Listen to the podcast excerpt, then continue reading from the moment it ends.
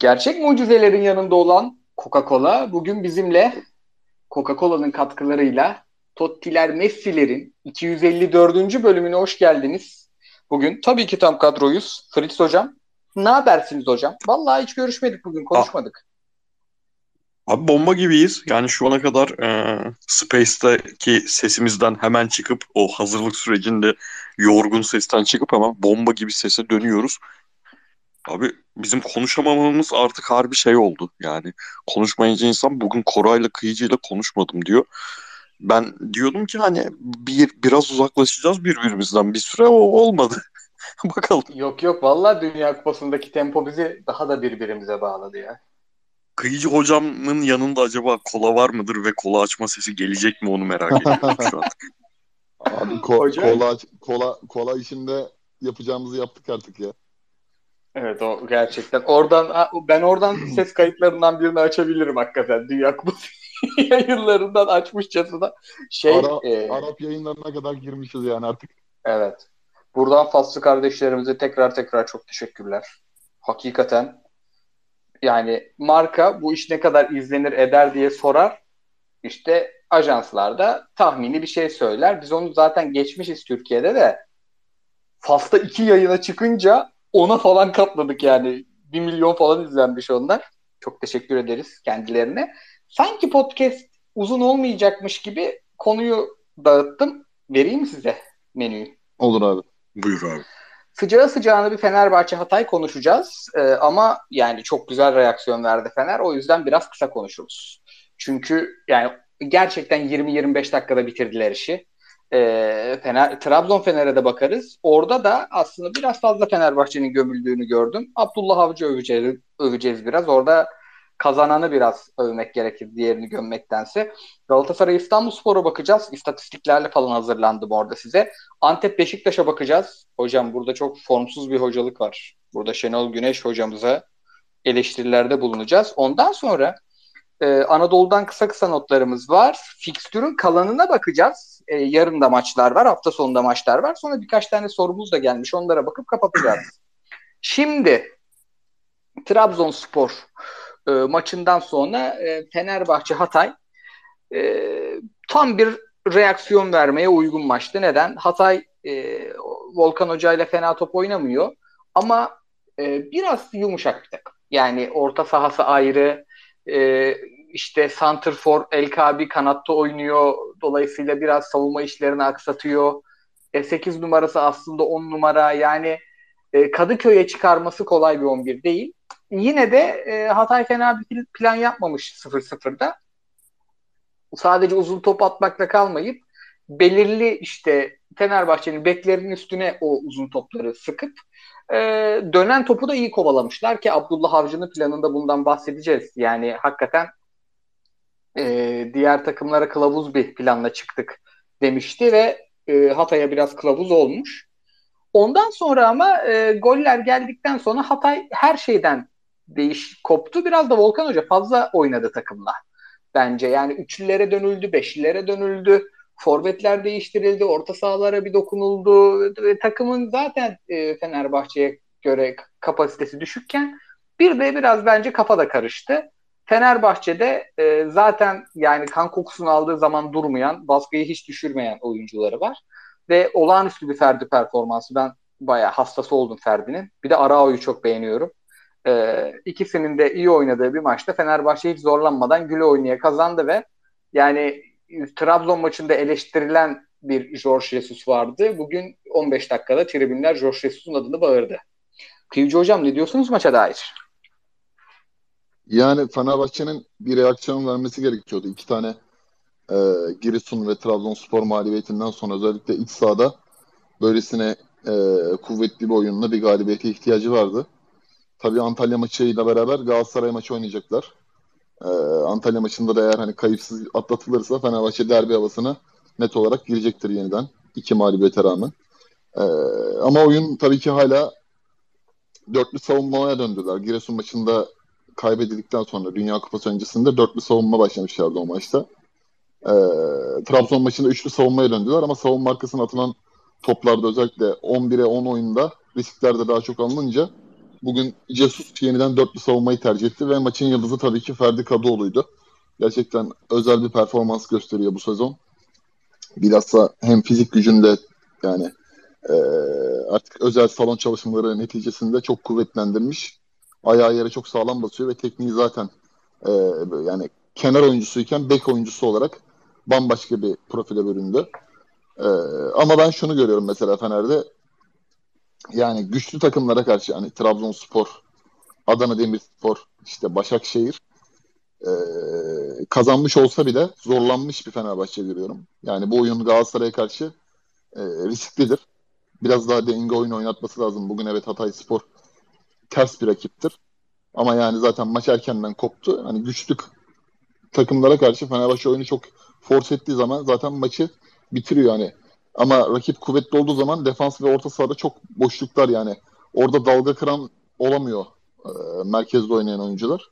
Ve rakipler de buradan hızlı faydalanıyor. Hatta ve hatta Trabzonspor'un resmi hesabındaki gibi e, savunmayı fazla öne çıkarttığı için uzun toplarla o savunmanın e, zaaflarını çok ele geçiriyorlar. En önemlisi Jetson derbiye kadar bunun bir çözüm bulması gerektiğini düşünüyorum. Yani e, buna rağmen tabii ki farklı galibiyet her zaman çok güzeldir. Böyle bir şeye ihtiyacı vardı Fenerbahçe'nin. Bilhassa e, üçüncü kez bir puan kaybı. Hani Giresun ve Trabzonspor maçından sonra bu da puan kaybı olsaydı e, hem yönetim bazında hem de Ali Koç'un böyle şeylere biraz e, geçmişten sicil problemi olduğu için Vitor Pereira döneminde özellikle e, devreye gireceğini düşünüyordum ama e, bu bizim şeye benzeri biraz. Hani Galatasaray'ın kötü 96-97'de kötü galip, mağlubiyetler aldığı bir dönem vardı ya bir Sarıyer galibiyetiyle takım çıkışa geçmişti. Hani Fenerbahçe'nin Sarıyer'i de bu maçta Hatay Spor oldu. İlaç gibi galibiyet diye söyleyebiliriz rahatlıkla. Ferit ama şöyle atayım pası. Ya Fenerbahçe'nin üçlü oynadığı e, oyunda bazı dezavantajları var. Özellikle merkezde onu Trabzon'da konuşmak için saklıyorum da. Üçlü de oyunu kanatlardan daha iyi kuruyor. Fenerbahçe sahanın göbeğinde oyun kurucu eksikliği yaşayan bir takım. Arda oynamıyor. Pedro o işleri görüldü sakat ki Fener'de iyi oynamıyor. E, Arao çok fazla defansif görevi oluyor. Yapabildiği kadarını yapıyor. Crespo'da zaten o işler hiç yok. Yapabilen esas oyuncu Ferdi. Ferdi oynamadığında da orada Lincoln ile yapmaya çalışıyorlar hatta. E, Ferdi'yi rahatlatmak için üçlü iyi bir seçim. Ama böyle e, takımlara karşı da yani ben kanattan birebirlere yakalansam da olur. O riski alıyorum dedikleri maçlarda da Ferdi önünde 3 tane orta sahacı oldu mu da başka bir oyun oynuyor hakikaten abi. Ne diyorsun oyuncu ya da Fener'in oyununa da? Abi şöyle bir şey e, Trabzon maçına değil Trabzon maçının öncesine de gideceğim ben. Sen geçen hafta dedin ki nasıl bir 11 çıkar Fenerbahçe ne bekliyorsunuz? Yani her, herhalde üçümüz de şeyde fikir olmuştuk. Ya tamam sezon başı denemeleri e, elindeki kadroyu daha verimli kullanma amacıyla o çok asimetrik bir üçlü oynamasında bir fayda vardı. Özellikle rakibin gücüne göre. Ama artık 4-4-2'si daha net oturdu bu takımın. 4-4-2'sinin de roller daha iyi oturdu diye konuşmuştuk. Bizi şaşırttı. Beşiktaş maçında olduğu gibi üçlüyle çıktı. Şimdi abi üçlüyle çıkmak var. Bir de bu şekilde üçlüyle çıkmak var. Üçlüyle çıktığın zaman e, üçlünün önündeki orta saha Crespo, Arao olduğu zaman senin üretebilecek tek oyuncun çünkü e, o düzende İrfan da sürekli markajda kalıyor. Üretebilecek tek şansın şu oluyor. Sen dedin ya Ferdi'yi iyi kullanmak için mi acaba üçlü çıkıyor? Ben öyle olduğunu düşünmüyorum. Çünkü Ferdi iyi özelliklerini kullanamaz hale geliyor. Herkes markajda. Top yapabilen orta sahada oyuncu yok. Tek şansın Ferdi'nin iyi şu an dörtlü oynandığında sahada daha iyi orta saha oyuncuları olduğunda iyi pas yapabilen oyuncular olduğunda Ferdi demarke kalarak merkeze geldiğinde etkili oluyor. Üçlü çıktığında Trabzon maçındaki gibi Ferdi yine sahanın en iyisi görünüyordu. Yani Fenerbahçe'den o maçta çok iyi futbol oynayan belki hiç futbolcu yoktu ama o maçın yine Fenerbahçe adına en iyisi oluyor. Ama iyi yaptığı şeylerin iyi yaptığı şeyleri iyi yapamayarak en iyisi oldu. Yani tamamen topu alıp merkeze dribling, merkeze dribling paslaşabileceği oyuncu yok. Top kaybı dönüyor. Şimdi dörtlü de yani bunda bence ısrar etmesi gerekiyor.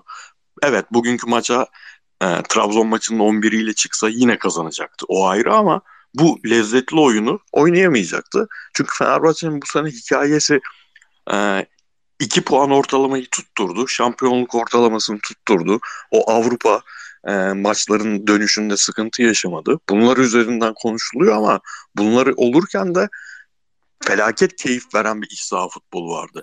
O futbolda sağlayan şey bence e, bu standart 4-4-2'sinin artık otuş, oturmuş olması. Bunda da Ferdi'nin her maç üstüne koyarak yani sezon başı Ferdi'siyle şu an Ferdi'si farklı.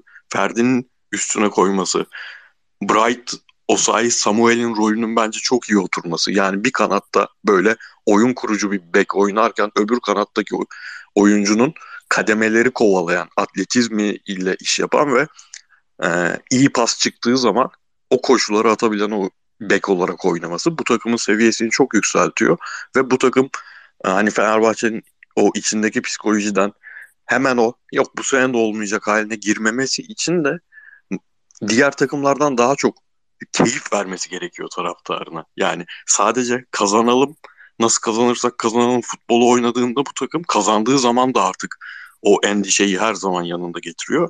Ben bunun devam edeceğini düşünüyorum ama yani bu Hatay maçının aynısını bir sonraki iç saha maçında olmasa da çünkü bir sonraki iç saha maçı Galatasaray maçı. Geri kalan bütün iç saha maçlarında bir şekilde oynanacağını düşünüyorum. O yüzden de zaten hep Jesus'un sonuna kadar götüreceğini düşünüyorum ama şu enteresan yani Trabzon maçından yine bağımsız konuşamayacağız. Fenerbahçe maçı biz burada korkunç bir yayın yapmıştık abi. Fenerbahçe diyorum. Beşiktaş Fenerbahçe maçı. Çok ümitliydik. Çok kötü bir futbol oynanmıştı ve evet, hani evet. Fenerbahçe gitti deplasmanda puanı aldı dedin geçtin ama öyle denip geçilecek bir performans değildi o yani. İki takım da felaket kötüydü. İki takım da yaptığı iyi yaptığı şeyleri bırakıp saçma sapan bir futbol oynamıştı. Jesus da şu ana kadarki tek sıkıntı bu büyük maç performans. Ben şampiyonlukta aşırı önemli olduğunu düşünmüyorum büyük maç performanslarının ama yani şu var. Yani Jesus'u bu kadar herkesin aşırı saygı duyma nedenlerinden biri tabii ki tecrübesi. Ama büyük maçlarda bizim genelde genç hocalarda yakındığımız, Okan Buruk'ta yakındığımız, Tudor'da yakındığımız, belki eskiden Vitor Pereira'da yakındığımız bildiği şeyi bırakıp başka bir şey oynamaya başlıyor ya. Jesus da bu çok şaşırtıyor beni. Yani bu kadar tecrübeli bir adam nasıl bildiği şeyden sırf rakip birazcık daha güçlü diye vazgeçiyor anlamıyorum. Şeyden hak veriyorum. Bu takımın bir tane bile iyi savunmacısı yok. Ferdi zaten savunmacı değil. Bright Osay Samuel savunmacı değil. Serdar yani 4 maç çok iyi savunmacı. 3 maç dünyanın en basit hatalarını yapan stoper. Henrique çok ortalama bir stoper. Atilla Zalai oyun kuruculuk anlamında, dribling anlamında çok özel oyuncu. Ortalama savunmacı. O yüzden hak veriyorum büyük maçlarda e, Crespo Arao, Arao koymasını savunmasının önüne ama abi üçlü çıktığın zaman en azından Arao falan Araoluktan çıkıyor. Bugün muhteşem bir Arao izledik.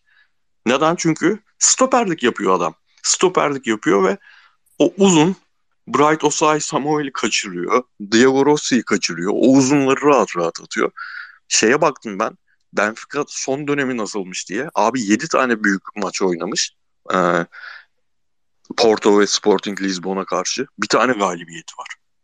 Bir tane bir tane beraberliği var. Geri kalan 5 maçta yenilmiş e, Jorge Jesus.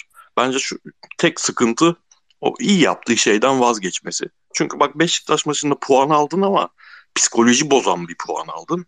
Gittin Trabzon'a yenildin. Abi bildiğin şeyi yapmaya devam et. Öyle yenil bence yani ne bileyim.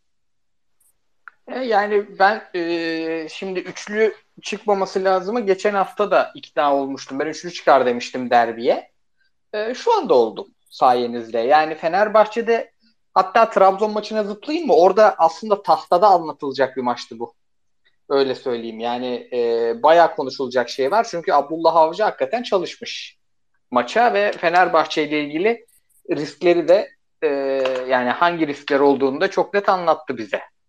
Şimdi Fenerbahçe ben Abdullah Avcı'ya Abdullah Avcı'ya bir aydır bu yayınlarda oyun bul oyun bul dedik. Adam oyun buldu sonunda. Ama işte bir maçlık mı buldu yoksa e, yani bu ma- çünkü bu oyun bir iç saha oyunu değil. Onu da Abi söyleyebilirim bence, yani. bence bence Abdullah Avcı skalasında bir teknik adam için yani Başakşehir'den beri hatta İstanbul Büyükşehir Belediye'den beri İbrahim Akınlı sezonlardan beri tanıdığımız bildiğimiz Avcı için yapmış olduğu şey devrim. Yani kendi kendi e, hikayesindeki bir devrim. İkili mücadelelerin hepsini kazanmış bir takım. Top kapmaların hepsini kazanmış bir takım. Yeri geldiği zaman uzun sıkış, yeri geldiği zaman pası bırakmış bir takım. Ee, sadece bak bu kadar bence Trabzonspor resmi hesabı Fenerbahçe maçı olduğu için tahminimce o video kesitinden göndermeyi yaptı. Hani copy paste diye. Yani çok zor bir şey değil Fenerbahçe'nin önde oynayan savunmasına uzun toplarla e, çıkışları yapmak yani. Bunu ortalama 6-10 Türk futbol izleyicisi bile yani burada içimizden biri bile Fener'e karşı ne yapıp Fener'in savunmasını açarsın desen uzun uzun top atıp da yani e, onu sağlarsın diye fikrini beyan edebilir. O video bence birazcık gereksiz olmuş ama Fener derbi galibiyeti olduğu için normal karşılıyoruz. Ama O şöyle zaman- bir şey var abi. Hemen kısa bırakayım. Buyur abi. Bence Jesus'la ilgili ön hazırlığında analiz ekibi kesinlikle yüzde yüz iyi bir rapor önüne koymuş. Ve ona ikna olmuş o. O benim çok dikkatimi çekti. Hani normalde Abdullah şeyler 2-0 bile olsa yenik durumda olsa bunu Halil Dervişoğlu'nun geçen sene Emre Kılıç'ta gol attığı Galatasaray da gördük Fatih Hoca varken. Hani biz kendi bildiğimiz oyunu. Şampiyon olduğu sezonda dahi bir B oyunu yoktu. Biz kendi bildiğimiz oynayacağız, kazanacağız, kaybedeceğiz. Hikayemizi böyle yazacağız. Kafasında bir teknik adamdı. Burada birazcık e, pragmatistlik sergiledi. İşte o pragmatizmi bir bir tık gireyim ben. Şimdi Fenerbahçe ile ilgili e, şöyle bir durum var. O beşli bir e, savunmayı, beşli bir çizgiyi kurduğu zaman ki bu hafta yine en çok offside'e düşen takım Trabzonspor. E, Normalde 1.7 ortalaması varken 6 kere düşmüş. Çok önde duruyorlar. Çok düzgün duruyorlar. Rakibin topu çıkaracak oyuncularına, savunmasına çok iyi baskı yapıyorlar. Önde bir üçlü baskı. Zaman zaman dördüncü orta saha gidiyor. İşte Crespo, Arao kim oynuyorsa o kalıyor. Bu şunu doğuruyor. O beşli zincirin, zincir diyelim şey öyle diyor. Önder Hoca öyle diyor. Ondan kaldı aklımda. Beşli zincirin önünde tek kalıyor orta saha oyuncusu. Abdullah Avcı bunu şöyle çok güzel çözmüş. Şimdi bu maçı anlatmaya, Trabzon maçını anlatmaya Kayseri maçından başlayacağım. Çağdaş Atan'ın Kayseri ile çok iyi oynadığı bir dönem. E, istim üstünde olduğu bir dönem çok kötü bir mağlubiyet aldı Fenerbahçe'ye karşı ve şunu dedi hoca. Ya üçlü çıkmalarını beklemiyorduk. Üçlü baskı bizi dağıttı. Üzerine uzun top da oynayamıyoruz çünkü bütün uzun topları topladılar. Şimdi burada bence Abdullah Avcı'nın hazırlık devreye girdi. Benim takımım uzun top oynayacaksa ben orta sahama uzun boylu oyuncu alırım. Yani çünkü benim ön liberomda çıkıp o kafaya vurabilir. Yani Guardiola boşuna Rodri ile oynamıyor. Ya da United boşuna Casemiro'ya para saymadı. Bunlar 1.15 adamlar değil. Sergio Busquets'ler yani o mevkinin savunmayla ünlenmiş oyuncuların hemen hemen hepsi uzun boyludur. Ama Abdullah Avcı bir içe Abdülkadir Ömür'ü attı. Daha uzun vardı. Hamşikler, mamşikler 1.85, 1.80. Gıbameyen yerine Siopis'i attı. Sol içe de Bakasetas'ı attı. Bakasetas da 4 metre değil. Abi bu plan şu plandı çünkü. Uzun topu almak için atmadı. Dönenleri almak için attı. Çünkü orada o topu Fenerbahçe'de stoper karşıladığında ve Maximo Gomez onu rahatsız ettiğinde topun indiği yerde 3 Trabzonsporlu bir Fenerbahçeli oluyor. Çünkü Fenerbahçe orta sahası stoperlere kadar baskıya gidiyor.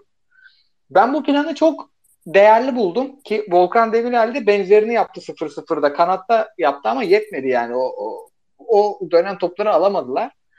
O yüzden de Suyopis harika oynadı. Yani burada topun düştüğü yerde hemen olmak önemli. O tarz ön liberolar da işte Gattuso dersin, Torreira dersin. Yani o tarz orta sahacılar da ünlü bir sürü var. Hani çok uzun değil ama topun olduğu yere giden hemen temas sağlayan ve o zaman da şöyle bir avantaj oluyor. Bir, ilerideki üçlün birebir kalıyor. Sen kanatta birebir kalıyorsun. Çünkü rakibin sağ stoperi kafaya çıkmış. Top sekerse falan çalım atıp kaleye gidebilirsin. Orta sahada üstünlüğü alıyorsun. Ve en azından rakibin oynayacağı oyunu bozuyorsun. Çünkü e, Fenerbahçe zaten ayağındayken top çok iyi oyun kurabilen oyunculara sahip değil. Yani oraya ayrı geleceğim. Fenerbahçe'nin büyük maçlarda ki yani topla olan sorununu ayrı konuşacağız ama Fritz Hocam bu Trabzon'un planına ne diyorsun ya? Gayet yani Abdullah Avcı maç önü çok iddialı bir konuşma yapmıştı. Kılavuz bir oyun oynayacağız diye ve bence kılavuz bir oyun oynadı. Abi tabii tabii. Yani bir takımın zaaflarını bilmek, o zaaflarını e, işlemek için bir plan düşünmek farklı bir şey. Bunu uygulatabilmek, düzgün şekilde uygulatama, uy, uygulatabilmek farklı bir şey. Bunu herhalde daha 5. maçtan sonra Fenerbahçe'nin artık o karikatür, karikatürleşen rakibi offside'a düşürme hali üzerine dünyadaki, ülkedeki bütün teknik adamlar bunu düşünmüştür. Bunu uygulayabilenler oldu. Sonuca gidemediler. Ama bu kadar net uygulayabilen belki de ilk takım oldu. Ama abi benim derdim şu. Şimdi e, tabii ki çok övülecek bir şey bu. Övülmesi gereken bir şey bu. Çok kıymetli bir e, plan, uygulanış falan filan ama abi maç kırmızı karta kadar sabaha kadar 0-0 maçıydı. İşin bir, bir de bu tarafı var. 40'ta bir duran top sonrası ilk kez bir e, 40. dakika kalabalık yarattı Trabzonspor. Orada işte o duran top sonrası gelen orada birikme, orada önde basıp Fenerbahçe'yi çıkartmama ha, anı yaşandı ve iki tane iyi pozisyon geldi. Joshua King'in o dakikaya kadar direkten dönen topu var. Ferdi'nin iki tane e, soldan gelip merkeze driplingi var. Son paslar gitmedi. E, yani bayağı 0-0 maçıydı bu. Şimdi bu kadar övülüyor, ediliyor. Abdullah Avcı yine futbola döndü ve şöyle yaptı, böyle yaptı. İşte resmi hesaptan öyle paylaşımlar falan. Baktığın zaman aslında kırmızı kartı olmasa bunların çoğunu konuşmayacaktık. Çünkü skor çok ist istim üstü değil. Yani nasıl diyeyim harbi şu an tarif edemiyorum. Gelmesi çok zor bir oyun oynuyordu aynı zamanda da Trabzonspor. Yani kendi sahanda daha çok pozisyonu ister bir oyun. Bu oyunda o olmuyor gibiydi. Ha, olduktan sonra yaptıkları zaten Fenerbahçe'nin topu almak zorunda kaldığı andan itibaren kusursuz oynadı. Ee, Trabzonspor. Abdullah Avcı için bir de şu var tabii. Hani biz haliyle şu son 6-7 senesini hatırlıyoruz Abdullah Avcı'nın. Onun o şey var ya Erol Bulut anlatmıştı sanırım. Ya işte biz 2014-2015 gibi artık bu takımın oyunu oturdu. Bundan sonra oyun kalitesini oyuncu kalitesiyle yükseltmemiz lazım. Oyunumuz var. Kaliteli futbolcu alma zamanımız geldi demişti. Hep o dönemi hatırlıyoruz biz. Ama tabii bu adam bir 2007 2012 arası da var. Yani 2007-2012'de Abdullah Avcı şimdi işte Fas için deniyor ya işte artık model futbol Fas'ın oynadığı futbol oyunu olmalı falan diye saçmalıklar var. Aslında o futbolu 2007'de Abdullah Avcı İstanbul Büyükşehir Belediye ile bugün oynadığı, bugün Fener'e karşı oynadığı futbolu en iyi oynayan adamdı. Yani bu lige çıkışı da bu ligde çıktığı ilk sezondan itibaren bir heyecan yaratması da o futbol üzerinde olmuştu. Aslında yeni oyun bulmadı. Kendisinin bayağı kurulum ayarlarına döndü yani. Ama bunu yapmak da başarı yani. Topu ilk yarı oynamak zorunda kaldılar çünkü Fenerbahçe gerçekten topu hiç istemedi ama hani topu bırakabilen, toptan vazgeçebilen bir futbola dönmek Abdullah Avcı'nın kariyeri için önemli. Çünkü buraya çıktıktan sonra o da zordur yani. Ya ben topa dokunmayayım, topla daha az oynayayım, uzun vurayım. Mesela uzun vurayım bile bence insanın egosunu e, Abdullah Avcı gibi bir konumdaki bir teknik direktörün egosunu aslında törpüleyen bir şey. Bunu yapması ve iyi de uygulatması saygı duymak lazım. Ya bir de bu oyun tabii şey de doğuruyor. Yani çok fazla rastlantı kalıyorsun ya. Evet. Değil mi abi? Yani havadaki top yani topun zaten havaya dikilmesinin sebebi Fenerbahçe'nin baskısından kaçmak ya. Öndeki presi bypass etmek, orta sahayı geçmek. Aynen. Yani havadaki top her zaman yani 50-50 pozisyon. Özellikle Mourinho deliriyor bunlar kaybedildiğinde. Ona göre hazırlıyor takım. Abi orada bence yaptığı iyi şey yani diğer bu planı uygulamaya çalışan ama beceremeyen takımlara göre yaptığı iyi şey o havaya gittikten sonra top Trabzonspor gidip o top için mücadeleyi orada vermedi. Gitti bıraktı çünkü rakip işte 3 tane stoperi var. 2 tane de e, stoper özellikleri hücum özelliklerinden daha o önde olmasını beklediğin orta sahası var. Ya top insin. Bunlar yine alsın topu. O Crespo, Arao ikilisine versinler. Nasıl çıkacaklar ki? Ne yapabilirler ki diye düşündü. Mücadeleyi havada veya gidip orada basarak vermedi. Bekledi bunu. Bekledikten sonra rakibin oyuncu tercihi de çok ekmeğine yağ sürdü. Çünkü hiçbir şey yapamadılar gerçekten de. Çok rahat bir şekilde mücadeleyi orta blokta verdiği an Trabzon kazandı topları.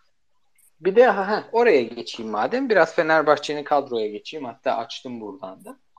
Şimdi Altay, Zalai, e, Enrique, Serdar'ı geçiyorum. Bu oyunlar zaten top rakip bu oyuncular. Top rakipteyken görevleri o olan stoper adamlar, kaleci.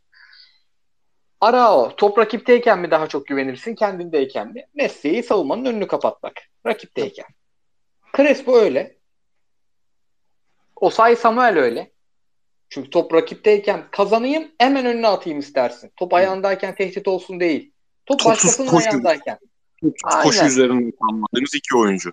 Osayi ve Crespo. Ee, King öyle. Batshuayi öyle. İrfan çok kötü oynadı o maçta. Ferdi kalıyor bir tek. Yani hayır ya Real Madrid deplasmanı da içinde çok sıkıntılı bir 11 bu. Yani Jorge Jesus'la ilgili bence Jorge Jesus'un tek kötü maçıydı bu sezon. Yani hem oyunu hem skoru kaybettiği çok görmedim ben. Belki bir Avrupa izlemediğim denk gelmiştir de görmedim yani. Ama bu kadroya da gerçekten oyun oynatmak kolay değil. Yani bu kadro 8-10 hocanın kadrosu ya. Bu kadro çok şerbetlendi. Çok yani çok yeniden kuruldu bu kadro. Kıyıcı hocam açtı mikrofonu. Yani burada o sayıya dokunamaz. O sayının muadili yok. Yani Alioski olsa Ferdi'yi sağa atar. Alioski'yi sola koyar. Ferdi sağa geçer. O sayı oyundan çıkar da o sayıda yapacağı bir şey yok. Zaten sabitte sıkıntı olduğu için bu arada benim sesim bugün biraz kötü. Ee, çok ciddi soğuk algınlığı yaşıyorum iki gündür. Ondan dolayı e, biraz zorlanıyorum da. Çok geçmiş olsun abi. Ay, ey, eyvallah kusura bakmasınlar. Durarak konuşuyorum. Ee, ama esasen sıkıntı şu abi. Jesus oyunu okumada hani Filiz bahsetti ya 11-11 devam etseydi ne olurdu? Ben bir ihtimal daha Trabzonspor'un yine kazanacağına yakınım. Çünkü İrfan Can rezalet şekilleri sağda kaldı. Batshuayi adamda her şey var. Deplasmanma var, koşu var. Topla ilişkisi berbat derecede. Ve bu aynı Beşiktaş'taki performansı gibi sağda kaldı. E şimdi haliyle Crespo 11-11 oynasa da sağda yoktu zaten. Yani orta sahada çok belli ediyordu yani. Topu kaptır, top kayıpları ikinci bölgedeki topu alıp da bildiğin Crespo performansını gösterememesi. Öteki tarafta da mesela Trabzonspor'un hamlelerine bakıyorsun. Çok doğru zamanda mesela skor aldıktan sonra Gıbamin Umut Bozat tozunu kullandı tekrar peşinden Maxi Gomez'i çıkartıp. Hatta ve hatta 0-0 oyununda Enis Bardi ve Hamsız oyunda değildi daha. Yani Marakançık ve Enis Bardi'yi öyle bir bekletti ki 76-77'de falan oyuna attı. Ee, her şekilde maç İbre Trabzonspor'a doğru kayıyordu bence. Ben de Vişcan'ın Vişcan'ın net bir pozisyonu da vardı. Tabii. Ama ya işte maçın hikayesi öyle ki yani Fenerbahçe'ye baktığın zaman 11-11 iken de 11-10 iken de bir tane isabetli şut yok maçta. Bak 8 Benim... tane şutun bir tanesi isabetli şut yok. Bir tek Joshua King'in vuruşu var direkten dışarı giden. Benim bir tane eleştirim olacak. Bu hafta ligin en çok yani bu hafta dediğimiz aslında bir önceki hafta oldu artık da geçtiğimiz hafta ligin en çok faal yapan oyun takımı Trabzon 3. Fener'di haftanın. Evet. Yani faulü biraz enstrüman olarak kullandılar. Şimdi benim hiç memnun olmadığım bir şey var. Bu maçlar 10'ar dakika 15'er dakika uzamaya başladı. Futbol o kadar da zevkli bir spor değil. Yani yorgunluktan ölmüş oyuncuların topu sağa sola sıkması e, açmıyor bizi. Oyunu oynatmanın yolu o değil. 18 yani, uzamış abi bu maç. Mesela 39 faal olmuş. Ortalama 26 bizimlik faullü birlik 26 bizim ortalama. Yani pardon özür dilerim tekrar bakayım. 28 çok pardon. 14 çarpı 2 28. Ee, orta sahada çok fazla serseri top olacağı, çok fazla uzun top olacağı için biraz hocalar faulü enstrüman olarak da kullanmış gibi geldi. Onun da bir eleştirisini ince bırakalım Galatasaray'a yani, geçerken. Ben Fenerbahçe şey yapabilirdi abi. Jesus mesela e, gerçekten büyük maçlarla ilgili takımda gözle görülür biçimde. Yani Galatasaray maçı artık bunu zaten reçetesini ortaya koyacak maç olacak Fenerbahçe açısından. E, Fritz'in çok iyi hatırlatması oldu. Beşiktaş maçında çok kötü bir futbol sahadaydı. Valerian İsmail'in de tabii katkılarıyla. E, Fenerbahçe çok edilgen kaldı o maçta.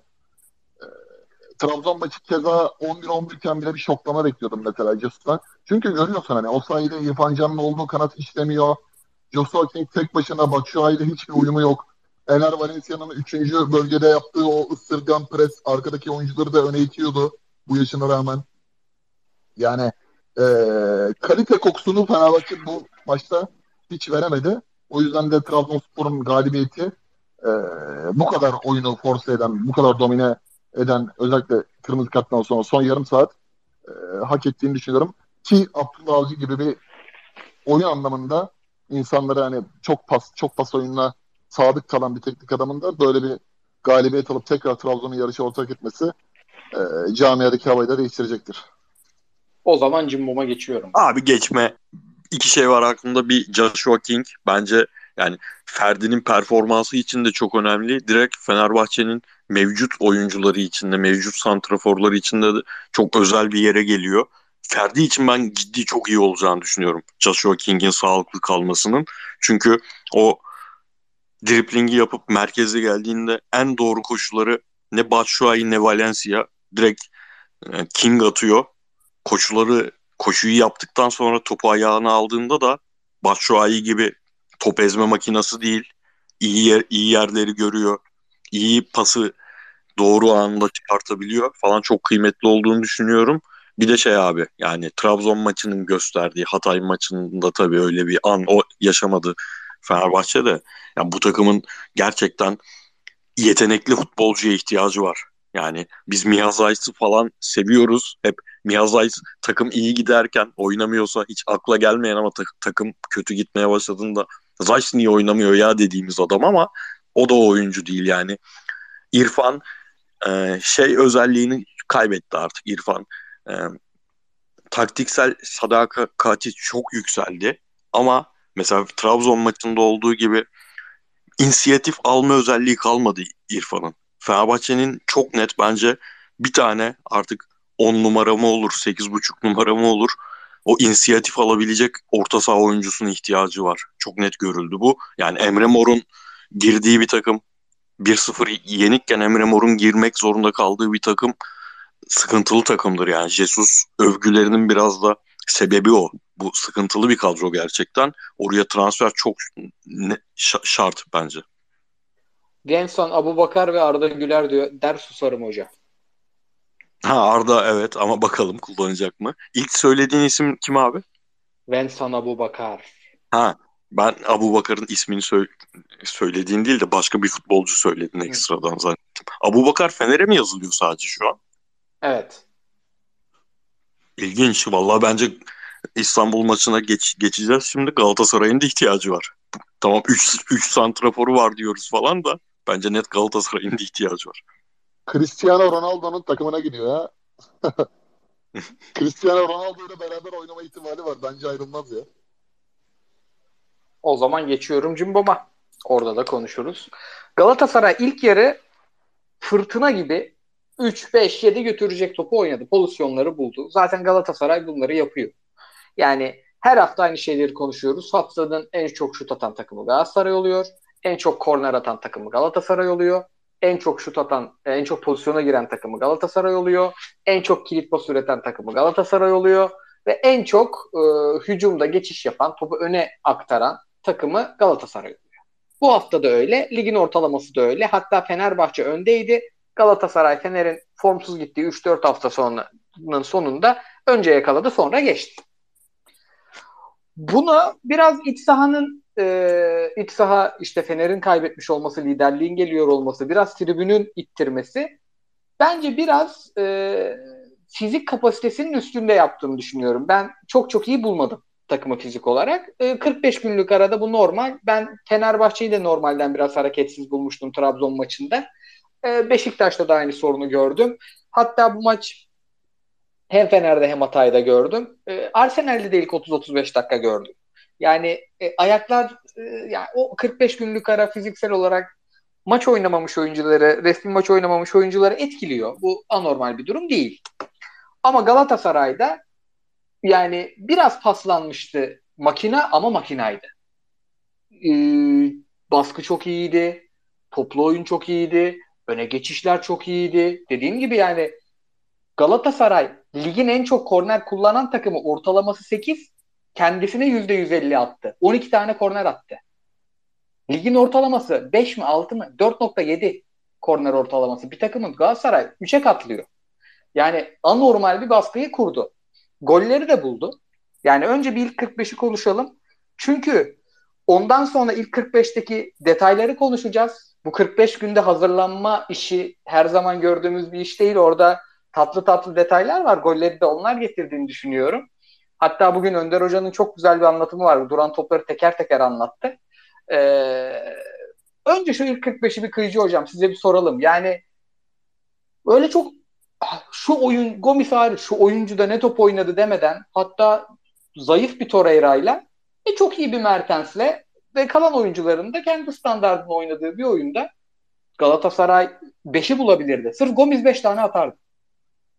Abi kesin katılıyorum. Yani e, bir kere karşısında top oynamaya gelen bir İstanbul Spor buldu. Rakip de yani top oynamak istiyordu. Fatih Tekke e, o hevesle takımını sahaya çıkarmıştı dediğin gibi yani Galatasaray'ın 4'ü 5'i bulması işten bile değil. Zaten iki tane topu da direkten döndü. Ee, o gol pozisyonlarında. Ama ikinci yarıdaki düşüşü biraz ben değişikliklere bağlıyorum. Siz ne düşünüyorsunuz? Esasen sizin fikrinizi de merak ediyorum. Önce hoca, önce bir ilk yarıyı toparlayacağız. Sonra ikinci yarıda sana yine bırakacağım topu. Ya abi aslında ilk yarıda çok böyle beklenen Galatasaray diye düşünüyorum. Ya yani böyle liderlik için sahaya çıkan özellikle Fenerbahçe'nin mağlubiyetinden sonra istekli e, kaldığımız yerden devam edelim anlayışına sahip Başakşehir maçında muhteşem muhteşem bir galibiyetti zaten orada e, bitirdiler Dünya Kupası öncesi. Nelson, Abdülkerim, işte Kazımcan'ın artan performansını gördük mesela. Kazımcan gerçekten en iyi maçlarından birini çıkardı o bölgede, sol tarafta. Zaten bu her zaman bir standart oynuyor performans olarak. Bir, eğer bireysel performanslarda tek tek gidersek mesela Torreira Mitcho maçın başında yerleşim pozisyonu mesela Mitcho'da şey var. E, ön sezi çok kuvvetli abi. Yani Oliveira'nın yaptığı işleri de yapıyor. E, hatta hatta zaman zaman başarılı bir dripling de yaptı. Özellikle ilk dokunuşlarda falan çok iyiydi.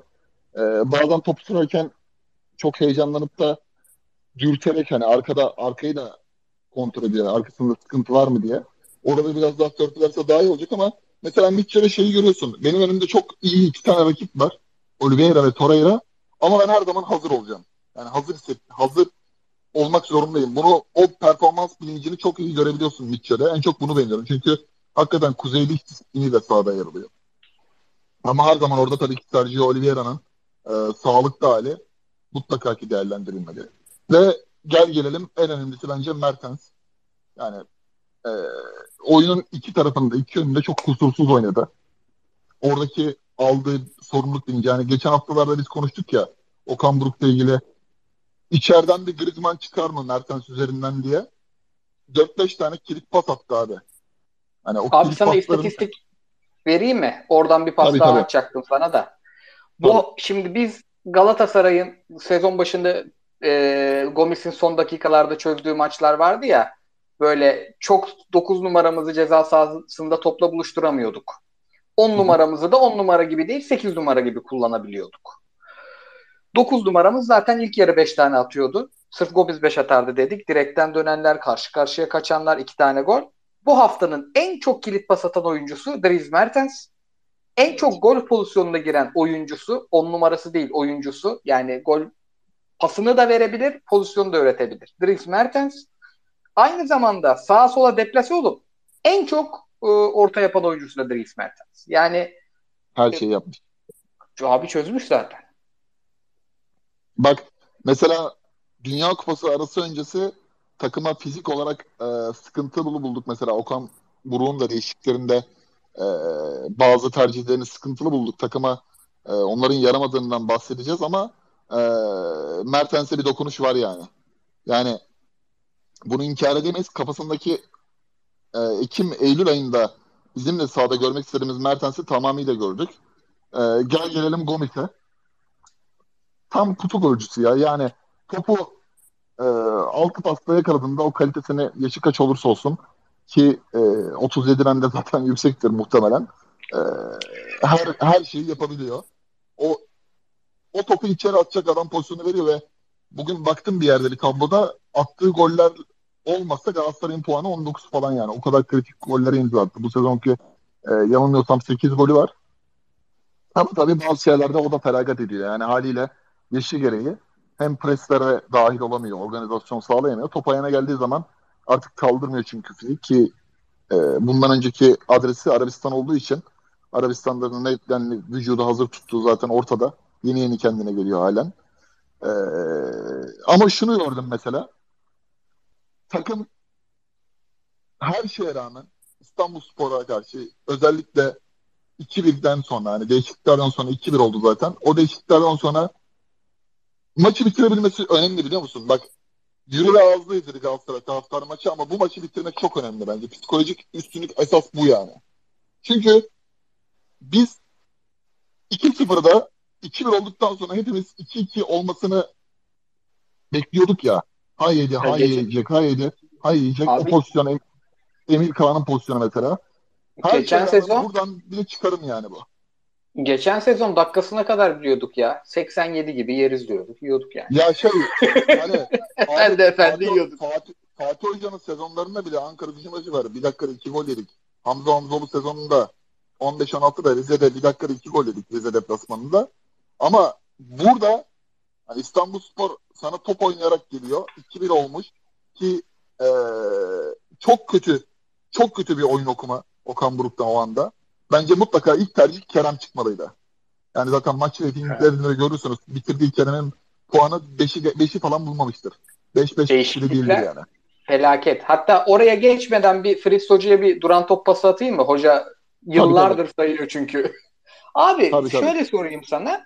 Şimdi 45 gün arada bu takım ne çalışacak? 15-20 oyuncusu Dünya Kupası'nda gitmiyor. Resmi maç da yok. En son oynadığı maçın üzerinden mevsim değişecek. Ne çalışacaklar bunlar? İki yolu vardı. Yani çok temel futbolu sadece antrenman bilimini bilmeyen de oyun oynayan, maç izleyen adam için iki çıkışı vardı. Bir, A planı üzerinde çalışır çalışır maç yapar. İkincisi de bazı detayları cilalar. Nedir bu? İşte duran toptur, taçtır, penaltı çalışmaktır. Ben birçok takımda özellikle Beşiktaş'ı e, konuşurken oraya geçeceğim. A planını güçlendirmek üzerine çalışan takımların başarısız maç oynadığını gördüm. Ee, bir maç hariç, en güzel maç hariç, Konya Alanya hariç, hariç hepsini izledim geçen hafta. Vakit de vardı şükür. Detayları çalışanların iş çözdüğünü gördüm ama. Bak Trabzon detay çalışmış. Maç hazırlığı yapmış. Trabzon Fener maçı dışında 3 maçta yapmaz o hazırlığı. United harika bir gol attı kornerden. Tam da korner sorusu sorarken gelir bu gol. Böyle bir podcast'tir bu podcast.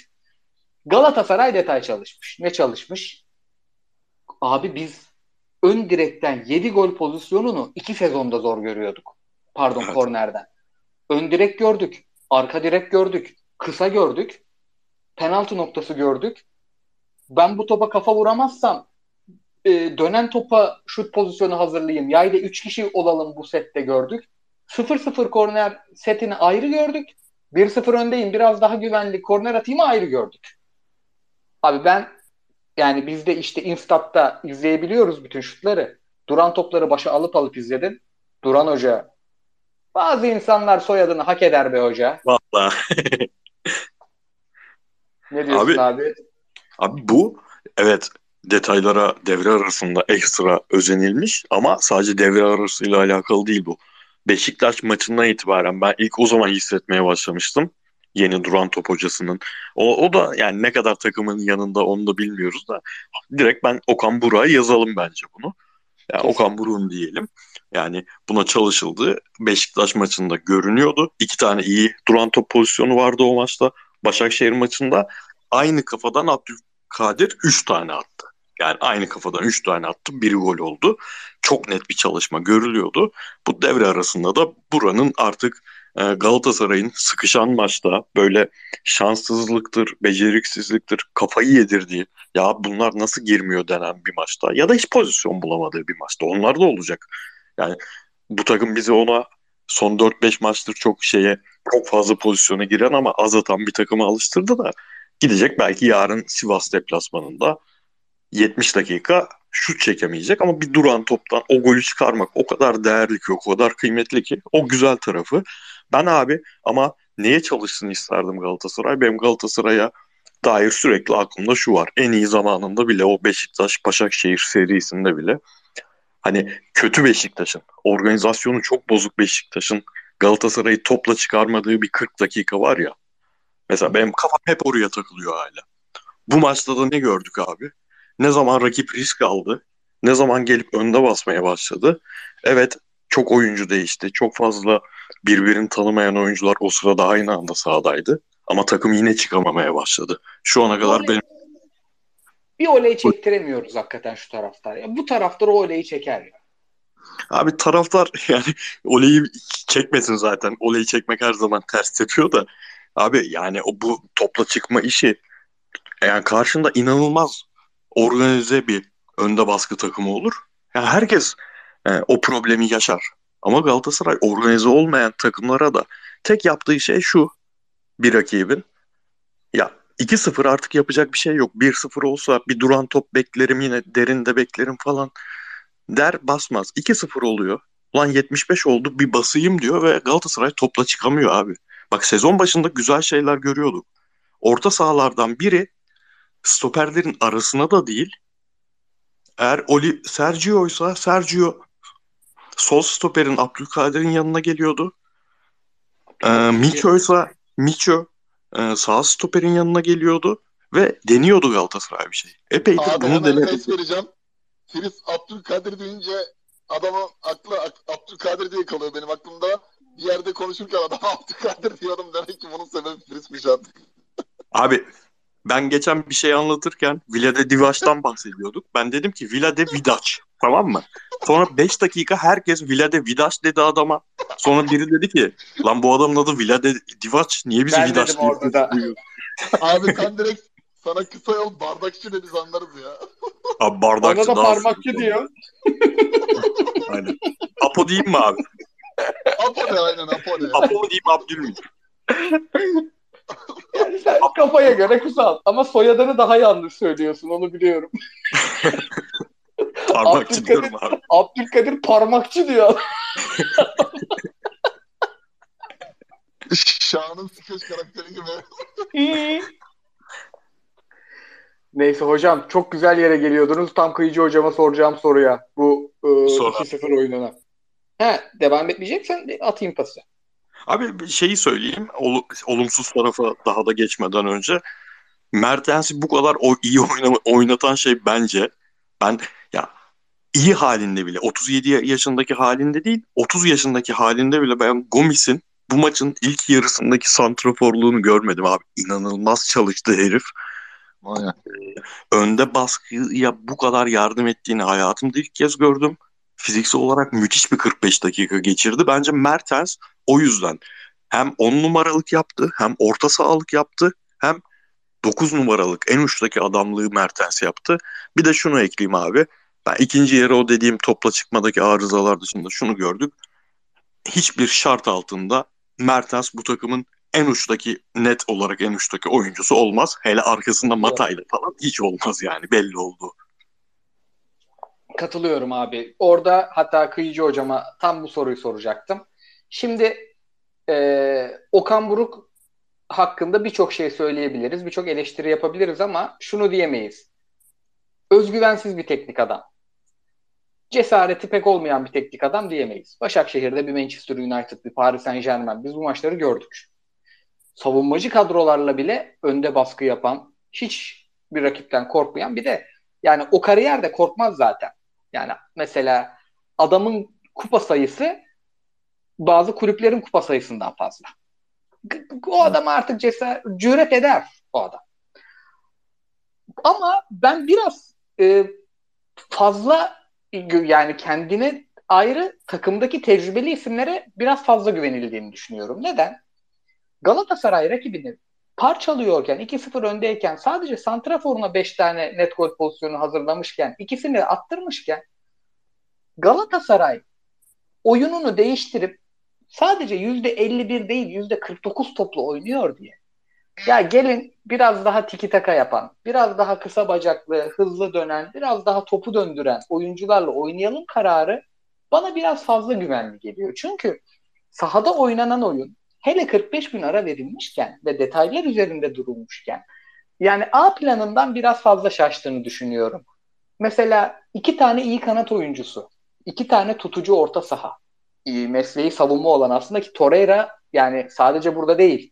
Fiorentina'da, Arsenal'de şurada burada izlediğim en kötü Torreira'lardan biriydi. Çok fazla basit pas hatası, çok fazla yer kaybetme, yani o saçma sapan sarı kart, o sarı kart şey oldu performansını konuşturtmadı. Aynen sarı karta gelene kadar korkmuştu herif ya. Yani iki, iki tane 10 numarayı 10 numara 9'u 9 gibi kullandığı bir düzen vardı. Net bir 4-2-3-1 de dersin. Griezmann'ın oynadığı bir rolde o Koraycı 4-3-3 de dersin. Kafana göre de. Ama ikinci döndüğü iş mesela Kerem çıkıp Barış Alper girseydi. Yani yorulan çıkıp kanat oyuncusu çıktı kanat oyuncusu girdi. Ya benim 9 numaram yoruldu. Ölmezdin Seferovic'le. Ölüyordun ama ileride Mertens'le. Çünkü Mertens'in 9 numarada oynadığı düzen sadece Galatasaray'ın ikinci planı olarak çok tekrar etmesi gereken bir düzen değil.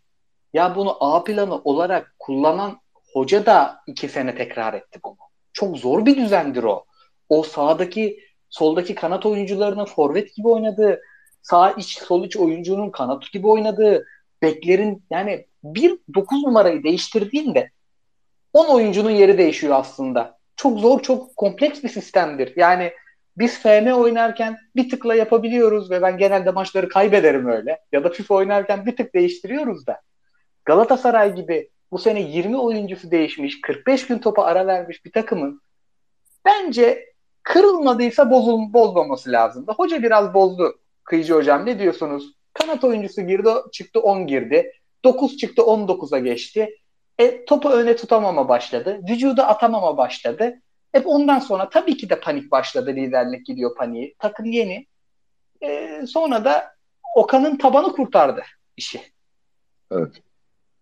Abi şunu diyebiliriz. Şimdi bir kere kafamızdaki Galatasaray yapısını önceki arenadaki şampiyonluklarda kazandığımız Galatasaray gibi oynama gözüyle bakmamalıyız. Bunu şöyle açacağım. Yani Okan Buruk'un takımı kesinlikle kesinlikle kendi istediği oyunu oynamak için buna Hamza Hamzoğlu sezonda katarak Fatih Hoca'nın kazandığı şampiyonlukları da katarak e, bir parantez açmak istiyorum. 25 dakika içinde 1-0 2-0 yapmalı maçı. Bak 20-25 dakika içinde en az 1-0 yapmalı. Çünkü hocanın müdahale eşiği skoru tutmak istediği zaman bence zayıf. Yani skoru koruma anlamındaki hoca Galatasaray kültüründen, Galatasaray e, kültürünü Fatih Terimli zamanlar işte Kalleli zamanlar 90'lı yıllardan itibaren futbolcuyken de en iyi solumuş isimlerden bir tanesi. Yani hoca skoru korumaya geldiği zaman zorlanıyor. Tercihlerinde de bence ilk kurduğu A plana göre biraz daha böyle e, palyatif çözüm odaklı değil. Neden? 75'te veya 74'te Yusuf Demir oyuna girdi. Bence çok iyi oynadı. Bilmiyorum kamuoyu ne, kam, kamuoyu ne düşündü? Gerçekten bilmiyorum. Maçtan sonra işte bu e, soğuk algınlığı sebebiyle hemen uyudum. Bakamadım da. Dün de okumadım fazla. Yazarlar ne diyor. Harika oynadı. Ama adam girdikten sonra aksiyonlarda çok iyiydi. Ters ayağını çok iyi kullanıyor ve savunmaya yardım ediyor. Bunu yaparken Yusuf'la sen orada mesela Raşika ile Kerem dökülürken bence Yusuf'u daha erken atabilirdin. 2-0 skor üstünlüğünü aldıktan sonra. Yani bu çözüm bence Mertens'i santrofor bölgesine göndermekten, Gomis'i çıkartmaktan daha elzem bir çözümdü. Bir kanat oyuncusunu yani kanatta oynayabilen bir oyun kurucu kanat oyuncusunu Yusuf'u hatta merkezde de oynatabilirsin. E, koyup da takıma böyle rasyonel bir e, ek ek paket yapabilirdi orada. Yani Ama... Yusuf'u at, ben mesela Yusuf değil Barış Alper'e atalım derdim de Yusuf'u attıysan o zaman Mata'yı bari atma.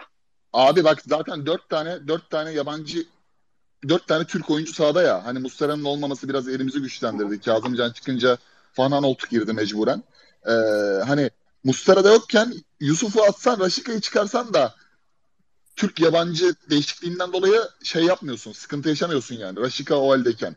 Hadi Raşika oyunda dursun. Raşika'nın oyundaki hali yani maç e, barometresi açık hali belki ona hala güvenebilirsin.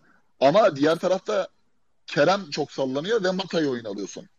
Ama Mata gerçekten ama gerçekten klas ayak. 2010'ların en önemli figürlerinden biri. Ama skoru koruma oyunundaki Mata doğru değil. Yani Mata ve Mertens'in sahada olduğu denklem Galatasaray'a bir fayda kazandırmıyor bence. Yani ya burada çok 20... ufak nüanslar var. Mata 25'indeyken maç 2-0 iken oyundan çıkan oyuncuydu. Şimdi skoru tutmak için girecek. Yani olağanüstü bir ayak dediğin gibi de teması aldığı zaman sırtımı döneyim, topu tutayım pek yok o işler hakikaten. Başka Tabii bir abi yani o. bak 2-1 alan İstanbul Spor, 2-1 alan İstanbul Spor. Bak bir tane gol ye. Tamam mı? Kazara kuş taşa çarptı 2-1 oldu diyelim. 85'te. Yani onu da düşünerek hareket etmek lazım. 85'te gol yesen öyle bir gol yemiş olsan öyle bir senaryo yazıyorum. 85 5 dakika 90. 7 dakikada zaten şimdi yeni Dünya Kupası'ndan sonra mevzu geldi. 12 dakika sonra 12 dakika sana gene Harala Gürel olacak ve Mata Mertens herkes sağda. İşte hoca ee, an, zaten maçtan sonraki şeyde şunu demiş. Hani biz orada pas yapmak istedik. Teknik teknik oyuncular oyunda olsun istedik diye düşünmüş. Bunu söyledi. Hani bir nebze orada hani hata yaptığını da kabul ediyor bence. Onun öz eleştirisi buradaki e, açıklama. E, ama işte hoca skoru koruma anlarındaki oyuncu değişikliklerini bence bir gözden geçirmeli. Yani Yusuf Demir okey. Yusuf gerçekten iyi oynadı. Hani maç puanları, maç reytingi, işte top kapması, savunmaya yardım etmesi ben beğendim. Ki e, Abdülkerim zaman zaman top sürdü. Uzun top sıktı. E, derinde savunmayı organize etti. Her zaman konuşuyoruz burada yani. Marka sonrası Galatasaray öyle bir piyango vurdu ki Abdülkerim'le beraber. Yani muhteşem bir transfer ya. Yani Allah nazardan Hakikaten. saklasın. Milli takıma milli takıma da banko seçilmesi lazım. Avrupa Şampiyonası'na gitmek istiyorsa milli takım banko oynaması lazım. Yani İsmini ezberletti diyebilir miyim abi? Abi çok, abi yani bugün bugün Samet'le ilgili söylüyorlar. 3,5 milyon 4 milyon euro yani 4 milyon euro Samet'se Abdülkerim 12 milyon euro falan yani benim gözümde oynadığı oyun. Peki Dünya Kupası'nda Harry Maguire'dan iyi oynamaz mıydı İngiltere'de? Biraz da futbolun gerçeklerini konuşalım. Abi, Abi şey soracağım size. Çocuk şanslı başladı ya işte sezona yani evet, sakallıklar yaptı ama oyun Bu arada anlamında çok iyi maşallah. İstatistiği gördünüz mü? Maç başı bir direği geçtik. Beş büyük ligde bir direk üstü oynayan yok. İstatistik, modern istatistik tutulduğundan beri. Yani Süper Lig'in rekorunu falan geçtim. Bundesliga mesela 45 şut oluyor. Bir direk ortalamayla oynayan takım yok. Bu da hakikaten başka bir şans. Abi çok o çok çok acayip de. Ama yavaştan çok sakat bir psikolojiye giriyor Galatasaray. Evet kaçıyor abi. Arada oluyor bunlar. Arada bazı takımların başına geliyor. Oyuncular da giriyor bence sanki bu psikolojiye artık saha içinde yani. Maç 2-0. 2-0 iyi bir skor. Tamam.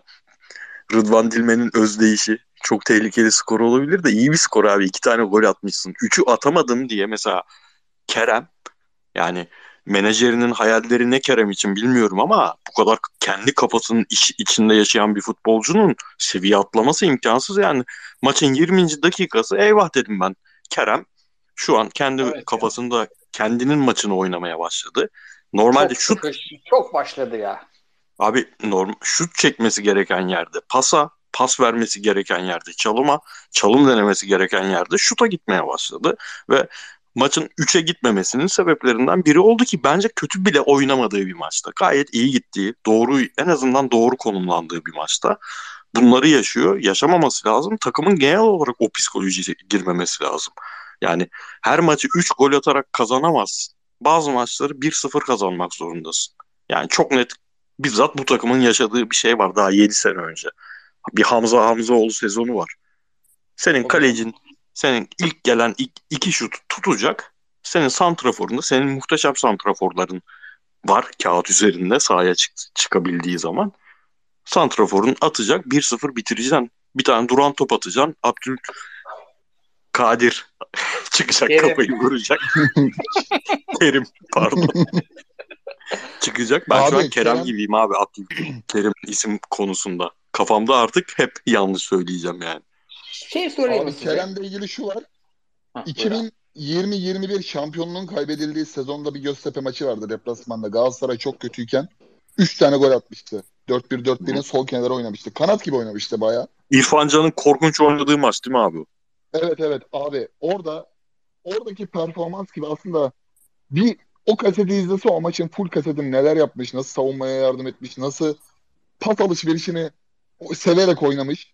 Yani Erzincan'dan sahaya, ikinci ligden sahaya inmiş bir futbolcunun ne kadar olgun, ne kadar savunmaya yardım edip basit oynayıp yani basit oynayıp da yükselen o performansı Galatasaray'da var ya 5-6 tane maç gösterse yani yemin ediyorum Galatasaray'ın Musiera'sı olur ya. Bu kadar Abi, net yani. O o basitliği sergilemiyor. Deli ediyor. Türbünü de deli ediyor. Okan Buruk'u da deli ediyor. Yani Kasımpaşa maçında işte sezon başında e, Okan Buruk çıldırmış yani kenarda. Neden ne yapıyorsun sen? Neden basit oynamıyorsun diye. O noktayı evet, o zaman getiriyor kendine. Abi şeydi ya. Kerem'in futbolculuğunda artık yani üzerine çok eklemesi gereken çok majör şeyler yoktu. Kerem artık detayları halletmesi gereken bir futbolcuya düşünmüş, dönüşmüştü. Ne? Bir, adam kovalaması. Kovalayacaksın abi. Yani seviyen ne olursa olsun Bekin ne yapıyorsa Bekin'in peşinde olacaksın ki zaten Galat büyük takımda oynuyorsun. Sen Bekin'i maç boyunca bek kovalamak zorunda olan bir futbolcu değilsin. Bir, bunu yapacaktı. İki, geçen sene haliyle o kadro kalitesinin içinde istediğin kadar topa dokunabiliyordun. Şimdi daha iyi kadro kurulduğunda topa daha az dokunarak verimli olmayı öğrenecektin. Bunları yapacaksın sadece. O yaptığı, iyi yaptığı şeyleri bırakmaya başladı kafasının içinde yaşamaya başlayınca. Ama Kerem'den daha çok şaşırdığım benim abi Raşitsa. Sadece bu maç değil şey, e, ne onun adı? Kupa maçında da felaket bir Raşitsa. Ya tam tamam takımın en azından boy Raşitsa kanadı belli. Dedik bu sefer Raşitsa böyle döndü. Tabii yani bu kadar maç arası. Aynen dönemsel. Yani Rashica öyle bir adam değil ki onu e, maç içinde kanat değiştirmek iyi geliyor. Ben normalde sevmem kanat değiştirilmesini. Genelde hiçbir şey çıkmaz. İki sağ kanatla sol kanat değişince işler daha da kötüye gider. Rashica kanat değiştirdiğinde bir etkisi farklılaşabilen bir oyuncu. Onları falan yapar. Bir daha abi Mata müthiş bir herif. Yani sadece futbolcu olarak değil, kariyer olarak değil, insan olarak falan da müthiş bir herif. Çok iyi bir karakterdir muhtemelen soyunma odasında falan ama Okan Buruksan ve yanında Mata oturuyorsa hep abi ben bu adamı bir şekilde atmam lazım sahaya diye hissediyorsundur. Bence yani sezon başı saçmaydı gelmesi. Artık orada bir menajerlik işleri mi döndü yani işte size şu kadar futbolcu aldık şunu da alın falan gibi bir şey mi oldu bilmiyoruz ama çıkılması lazım abi. Yani teknik direktörünün kafasını ekstradan karıştırmaya gerek yok bence. Peki o zaman şunu sorayım. Şimdi Galatasaray'ın A planındaki santrforu Icardi. Icardi olmazsa Gomis. Yani kulübede Seferovic var. Şimdi ikisinden biri oynuyor diyelim. Dakika 71 Galatasaray 2-0 önde. Bunlar çıkıp Seferovic girdiğinde Galatasaray daha iyi savunma yapan bir takım olur değil mi? Çünkü biraz daha savunmada çabalayan bir oyuncu. Diğer taraflarda kabiliyetinin az olmasından sebep. 10 numarada Mertens var. E, 70-75 bu yaşta yorulur. Yerine gencecik, dinamik, kıpır kıpır Yusuf Demir girerse de Galatasaray hem oyunu bozulmaz, sistem bozulmaz. Hem de daha iyi savunma yapan bir takım olur. Sağda Raşitsa, solda Kerem ikisinden biri yorulsa ayaklar tahta çok topla güreşiyor ama zaten 2-0 öndeyiz. Barış Alper girse daha mı iyi savunma yapar daha mı kötü? Daha iyi yapar. Oyunu çok bozulur mu? Bozulmaz. Zaten Kerem de top kaybına teşne bir oyuncu. Bu da kaybedecek. En azından gidecek. Savunmada biraz daha koşacak, çabalayacak. İşte kazanacak Fener'in bugün attığı e, üçüncü gol gibi. Yani oyunu değiştirmeden daha savunmacı bir 4-2-3-1'i kurması Galatasaray'ın kulübesinde mümkün zaten. Bu sadece oyuncu değiştirmek varken sürekli bu oyunu değiştirmek oyuncu değiştirirken niye? Yani ha, hocam, dedi, de, abi de, dediğine katılıyorum. Hani Oliveira'nın sağlıklı olduğu bir yapı olsa mesela Torreira'yla e, Fritz'in de bahsettiği gibi Torreira'nın harika performansı saçma sapan bir hareket yüzünden gölgelendi mesela. Onu da çok konuşamadık. Ee, hani Torreira, Mitchell, Oliveira'yla da sen kanat çıkartıp kanat atıp sahaya mesela öyle Yusuf Demir'e denkleme sokup mesela Barış Alper'e denkleme sokup maçı bitirebilirsin. Ee, ama skoru koruma oyunu da bence e, bir teknik adam için özel bir maharet ister, bir meziyet ister. Ben Okan Buruk'un da nasıl duran toplara e, Sargun Doğan'dı değil mi? O hocanın ismi. Duran. Duran. Evet Duran. Duran evet. Hiçbir evet. isim Duran. artık söylenemiyor ya. Oraya geldik. şey, şey Duran'dan Duran top çağrıştırıyor ya o akıla yerleşmiş artık. Ee, mesela onunla bir çözüm buldular. Gerçekten o da herhalde kalıcı bir antrenör değil ama belli bir dönem periyotta çalıştırıp galiba geliyormuş. Etkisini gördük. Ee, skoru koruma oyununu da bence uygulayacağını düşünüyorum. Ama Galatasaray'ın oyun gücü bence Fenerbahçe maçına kadar yükselecek. Yani tabii, tabii. şu an Fener'in de yükselmişti. Tabii Fener, Fenerbahçe'nin de yükselecek. Yani Fenerbahçe zaten Trabzon maçındaki gibi e, oyun ortaya koyarsa o kadar geniş alan, geniş boşluklar e, koyarsa Galatasaray buna Icardi'nin de dönüşü oraya yetişirse ki mutlaka yetiştirmeye çalışıyorlardır. E, başka bir sonuç ortaya çıkar. Çünkü bunlar hem Cesus çünkü ben Portekiz'den de hani Portekiz liginden de Cesus'un bazı kafa maçlarını biliyorum. Hani Almorin takımına karşı, Sporting Lisbon'a karşı inanılmaz kötü bir maç çıkarttı Benfica'dan kovulmadan önce. Zaten o maçtan sonra biletini kestiler. Ee, o da biraz temkinli oynayacaktır. Yani orada ben Arao Crespo'yu değil de Zayç'ı falan merkezde Arao'nun yanında belki hazırlayabilir diye düşünüyorum. Çünkü bu Emre Morlarla falan olacak bir şey değil. Galatasaray'da keza hani bu kadar Raşika kötüyken, Kerem bu kadar kötüyken sahada kalırsa e, o maçlara başka bir eleştiri okları Okan Burak'a tekrardan yönelir. Yani teknik adamların hatalarını gördüğü bir hafta oldu diyebiliriz esasen bu haftaya. Net. Şimdi normalde biz hani bir takımdan diğer takıma geçerken falan işte zaten canlı normalde yapmıyorduk da podcast olarak başladık 250 bölüm.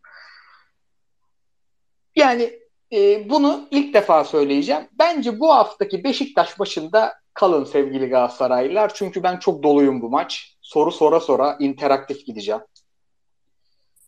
Fritz hocam çok kısa soruyorum. Deplasmandasınız. Vegors ve Cenk sağda. Ne beklersiniz takımın kalanından? Yağmur gibi orta bekleriz değil mi? Yağdıracaklar. Evet. evet. Peki Umut Meraş'la olur mu bu orta işi? Abi Umut Meraş konusu zaten şimdi e, Mata'dan bahsederken bir menajerlik falan dedim. Yani ben Umut Meraş'ın herhangi bir ilk 10 takımı seviyesinde sol bek olduğunu düşünmüyorum. Beşiktaş'ın teknik direktörü elindeki Premier Lig'den gelmiş en azından yaptığı şeyi çok iyi yapan yani o orta kesme işini çok iyi yapan bir oyuncunun önünde görmesi başlı başına tuhaf. Ama abi benim için çok daha tuhaf olan bir şey var ve yani bu hatayı hep yapıyoruz. Bi biliyorsun aklının bir köşesinde olan Şenol Güneş'in Beşiktaş son sezonu üzerinde milli takımdaki hadi Fransa maçlarını o macerayı kenara bırakıp milli takımdaki son bir senesini düşününce ya olmaz herhalde demen lazım. Ama neyi düşünüyoruz? Bursa Spor Şenol Güneş'ini düşünüyoruz. İki sene Beşiktaş Şenol Güneş'ini düşünüyoruz. Takıma bakıyorsun, kadroya bakıyorsun. Buradan çıkar diyorsun. Yani bu, bu adam bunu yapar. Buradan çıkartır. Elinde Jetson var. Jetson'un yanına iyi bir Salih, düzelmiş bir Salih koyar, ekler bir şey. Şunu yapar, bunu yapar diyorsun. Ama adam abi geliyor 2022 senesinde Necip'i orta saha oyuncusu olarak kullanıyor. Elinde Necip. kimse olmasa bile yani. Necip nasıl orta saha oyuncusu olarak Beşiktaş takımında 11 başlar.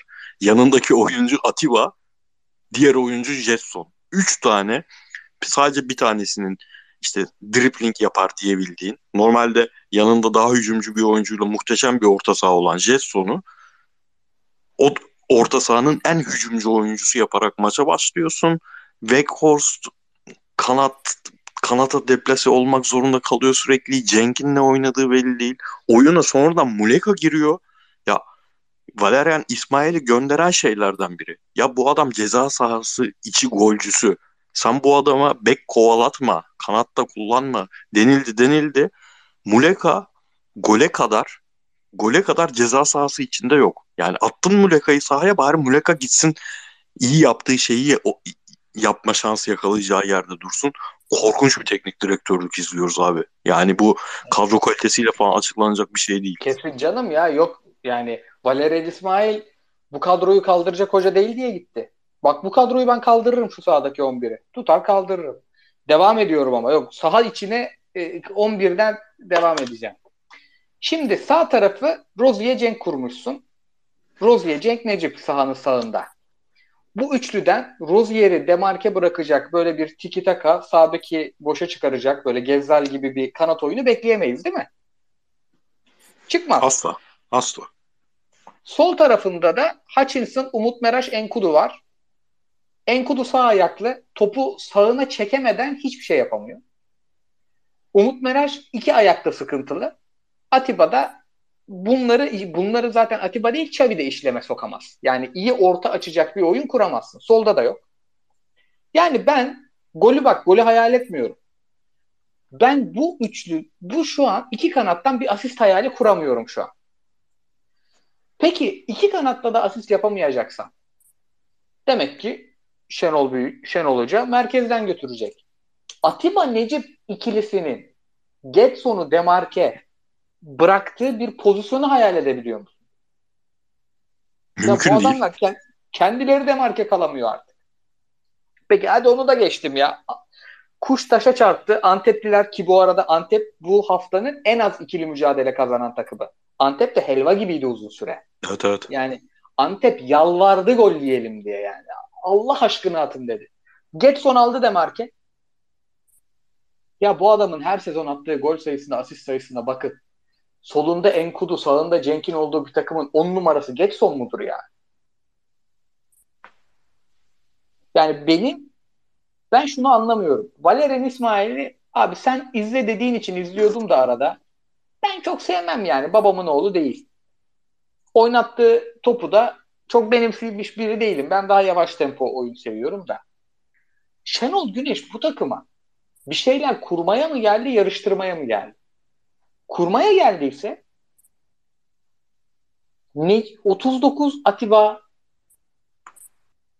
Cenk, Kiralık ve Gorst böyle kurmasın. Ya biz eski maçları açamıyorum ama kulübeden açacağım. Bu takım Emrecan Uzunhan'a bizim Abdülkerim'e verdiğimizden çok para verdi. Bu takım Salih Uçan'la aslanlar gibi top oynuyordu. Bu takım arada Berkay'ı görüyorduk. Kartal Kayra'yı görüyorduk. Bu takım 45 yaşında Mert Günok'la değil Ersin Destanoğlu'yla şampiyon da oldu. Bir şey kurulacaksa buradan kurulsun. Yok yarışılacaksa da sen liderin 9 puan mı gerisinde Beşiktaş? Evet Fenerbahçe 32, Beşiktaş 23. Sen liderin 9 puan gerisine düşecekken hele önünde zaten Konya'sı, Trabzon'u, Adana Demir'i, Başakşehir'i, Galatasaray, Fener'i var. Sonraki hafta da Adana Demir'le oynayacaksın içeride. Esas maç o. Ya o maça çıkacakken bir takım takılmışken ya çıkacağın orta saha Getson, Necip Atiba mıdır? Ne bileyim. Yoksa Joseph, Salih, Delali midir? Yani bir tak ya şunu anlamıyorum mesela. İkinci yarı bu takım 25 tane orta yaptı. İkinci yarı XG rekorunu kırdı Beşiktaş. Ya ben şeyi anlamıyorum. Valerian İsmail bunu yapsa okey. Ya Şenol Güneş 20 yıldır Beşiktaş'ın içinde Necip'in annesinin kızlık soyadına kadar biliyoruz. Neden bunlar 45 günde değil de 45. dakikadan sonra görülüyor ya. Metin Tekin söyledi çok hoşuma gitti. Bunlar 45 günde görmesi gerekmiyor muydu ya? Nathan ne oldu biliyor musun abi? Oyunun senaryosu nerede değişti? Cenk sola geçti. Redmond orta atabilen kanat oyuncusu sağa geçti. Sahayı bir açtılar bunlar. Cenk zaten soldan ceza sahasına hep geldi ikiledi. Bu sefer işte yağmur gibi orta başladı.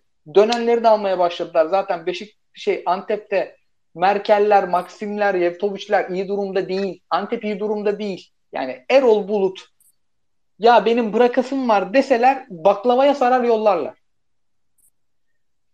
Ona rağmen yiyene bir şekilde yediler. Bir şekilde geldi golde. Yani ya yapılacak şeyler bu takımdan daha iyisi her türlü kurulabilecekken gidip 45 gün sonunda şunu ben derbide ayrı sinirlenmiştim. Ben Beşiktaş'ın abi geniş kadrosuna bakınca uf bu hafta bir tane güzel maç izleriz bak. Bir Muleka ve Gors ikilisi görürüz diyordu. Ya bu takım şeyi soracağım Kıyıcı Hoca. Valerian İsmail döneminden neyi daha iyi yapıyor? Bak ben sana söyleyeyim. Daha kötü baskı yapıyor kesin. Daha kötü duran top kullanıyor. Attığı duran top gollerini unuttu. Bir tane de iyi ikilisi vardı. Muleka ve Gors. Onu da kullanamıyor mesela. Neyi daha iyi yapıyor?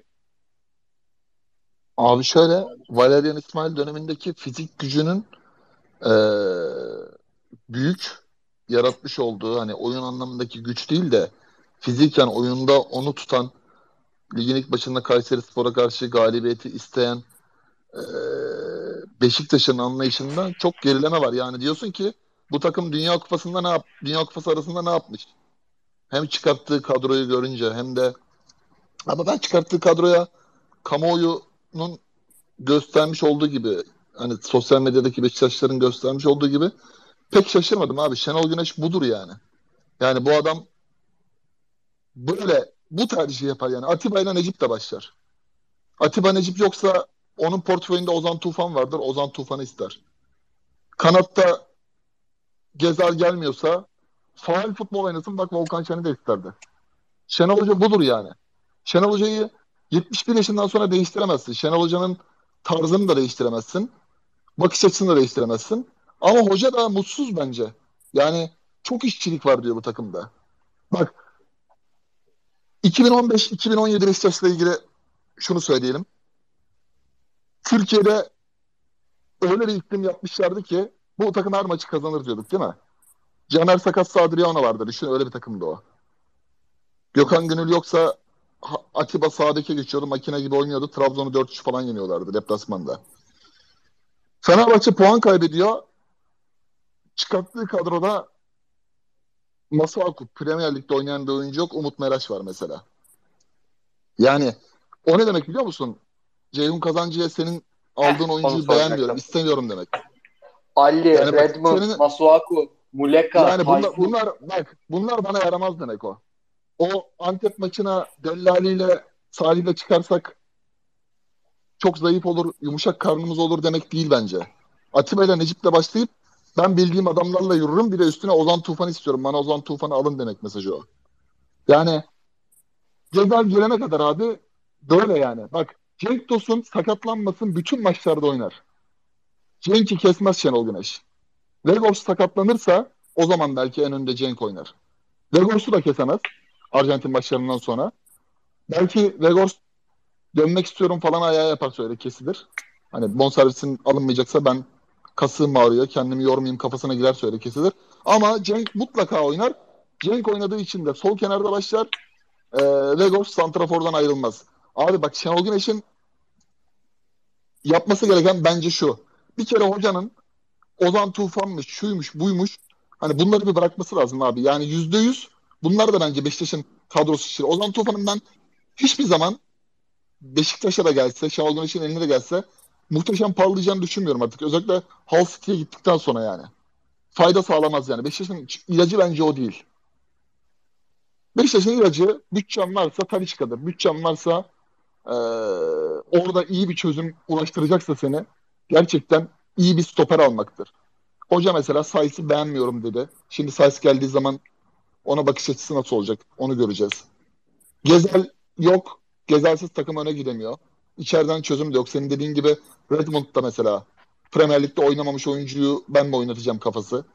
Orada bir sıkıntı var yani. Ruhsal anlamda şey benzetiyorum. Ersun Yanal'ın Fenerbahçe'ye gelip de ikinci başarısı olduğu sezon var ya. Hani beklentinin büyük olduğu ama başarısız olduğu. Hocanın Hı hı. verdiği elektrik bunu bana veriyor. Acil toparlaması lazım Beşiktaş'ı.